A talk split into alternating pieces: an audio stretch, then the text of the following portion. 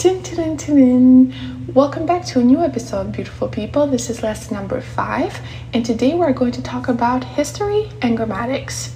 But first, how do you say those two words in Albanian? They're actually very similar, just slight difference in pronunciation. For history, you say history, history, and for grammatics, you say grammatik grammatik. I told you, very similar. The first part is going to be related to history, and then we're going to go to the grammatics part. And I don't want you to feel intimidated by the grammatics part because it's only the basis of the basis. I just want you to get familiar with hearing about it. Let's get right into it. First of all, for the history part, I'm going to talk to you more about the history of the language, including a little bit of history related to Albania as a state and the Albanian people.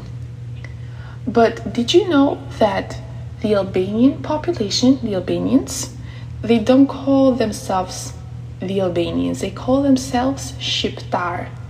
The country Shqipëri and the language Shqip.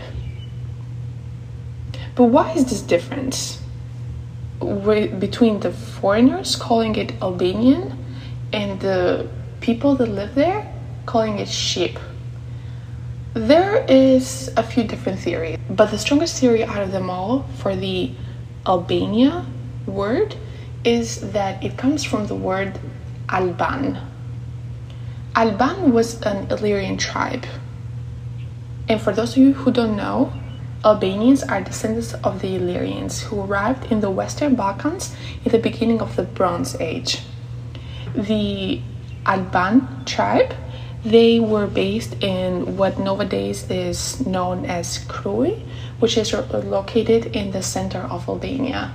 And with years passing, some people migrated outside of the territory and they took the word Alban and they adjusted it to fit whatever they were going to call themselves after. So, as far as I understand, and then how I believe, because these people migrated outside the normal territory and they took this word with them, they would call the country Albani because the people that were there were Albanat. And the foreigner, the English pronunciation is Albania. So from Albany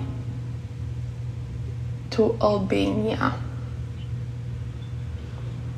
I thought it was very interesting, but what is even more interesting than that is where the word Shqipëri, Albania, comes from.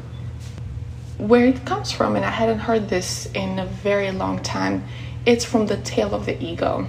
And I bet you a lot of you don't know about it too, even if you're Albanian as well. So, how the tale of the eagle goes is that a young boy was hunting in the mountains one day and he saw a big eagle flying above his head holding a snake. He became curious, so he started following the eagle around until it arrived to his nest. A little bit after the uh, mother eagle had left, he checked the nest and he seen that the snake was still alive and there was a baby eagle there. So he killed the snake, saved the baby eagle, and took it with him. He was making his way home when he hears the mother eagle fly above his head. The eagle was crying and tells the little boy, Why are you taking my kid? Why are you kidnapping my child? The boy said, Well, I saved the child's life from the snake that you left there alive, so now it's mine. The eagle, very sad that her child wasn't with her, tells the boy, If you give me my child back, I will give you the strength of my wings, I will give you my vision, and you will become invincible, and people will call you by my name. So the boy gives the baby eagle back to his mother, and that baby eagle would grow to become a strong and big one and would fly above the boy's head, which now was a grown man. And he did, in fact, become invisible. And with the mother eagle's knowledge and guidance, faithfully with him, he killed many wild beasts of the forest and defeated many enemies of the land. And watching what he did for the country, the people of the country crowned him king and called him Shqiptar. According to the poem, Shqiptar meant son of the eagle, and they called the land Shqipëri, which means land of the eagles. And just in case you didn't know, the picture of my profile is the Albanian flag, and the black symbol in the middle is the eagle, too, which is Albania's national symbol. But how do you say the word eagle in Albanian? It's Shqiponj. Shqiponj. So they took the first part, Shqip, and that's where the name of the language comes from. Another interesting fact about the Albanian language is that it occupies its own branch on the Indo European language tree. As far as I know, no other language does that. It is spoken in Kosovo, Macedonia, some regions of Greece, Italy, and considering how many Albanian immigrants are all over the world, you could say that it's spoken all over the world as well. To be more exact, by 8 million people back in 2018. And I can guarantee you it's so much more now too.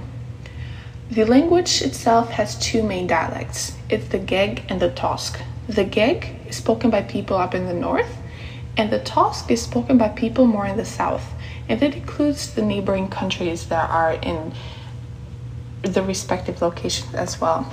The Albanian language also has been written since the beginning of the 14th century, and a lot of people believe it's even older than that, but there are so many missing history documents about the Albanian language and Albania itself, which is very unfortunate. The oldest known printed Albanian book, though, was called Meshari by Gjon Buzuku, and it was written on 1554 to 1555. The Albanian language continued to be written in two dialects until 1972 when a unified literary version was established based on the Tosk dialect. And a lot of people said that it was based more on the Tosk dialect because of the dictatorship at the time. The dictatorship's leaders were from the Tosk region, so they wanted to implement the language of their own region. Even though throughout Albania it's still Albania, there is a big difference between the two dialects. Ever since then, though, after the dictatorship, a lot of people, a lot of historians have been trying to include more of the Geg dialect, but not a lot of change has been made. Now, moving on to the grammar. I wanted to start off with how the sentence is formed, and then we're going to go group by group. So the sentence structure starts with the group of the noun, the subject, and then continues to the group of the verb, and then lastly, the prepositional group, the objective. If you initial those, is SVO. SVO. That's an easy way to remember it. You could say, I speak Albanian so very often so very often I speak Albanian. Just an easy way to remember it. But what's interesting is that these groups can also move around. The point of moving these groups around is to highlight the phrase that goes first. But that doesn't mean that the meaning of the groups change, they still hold the same meaning. Now, to continue it more specifically, starting off with the noun. There are two forms of the noun the indefinite and the definite. The indefinite for singular starts with ny, which means also one, as we learned in our numbers lesson. And then for plural, you put disa, disa in front of the noun. For example, we are going to use the word girl, which is vajz. Vajz. Vajz. So the indefinite singular is një vajz, një vajz. The indefinite plural is disa, vaisa. Disa, vaisa. And then we have the definite, which in this case, the word vice is feminine. So it will be vaisa for definite, where indefinite version was vice. Again, the indefinite version, vice, the definite, vaisa, because it's feminine. And then the indefinite plural was disa vaisa, the definite plural, vaisat.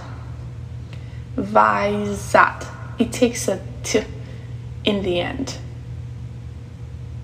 And for the general rule, for masculine, the definite forms by adding an I or a U.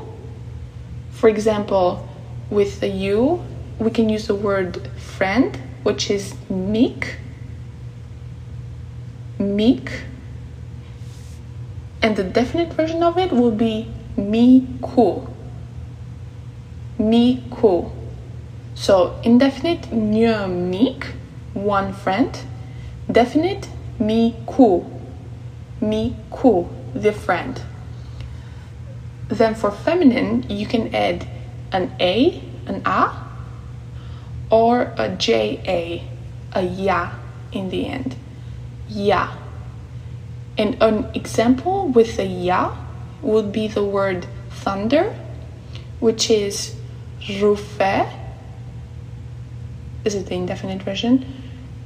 Rufe. And the definite. Rufe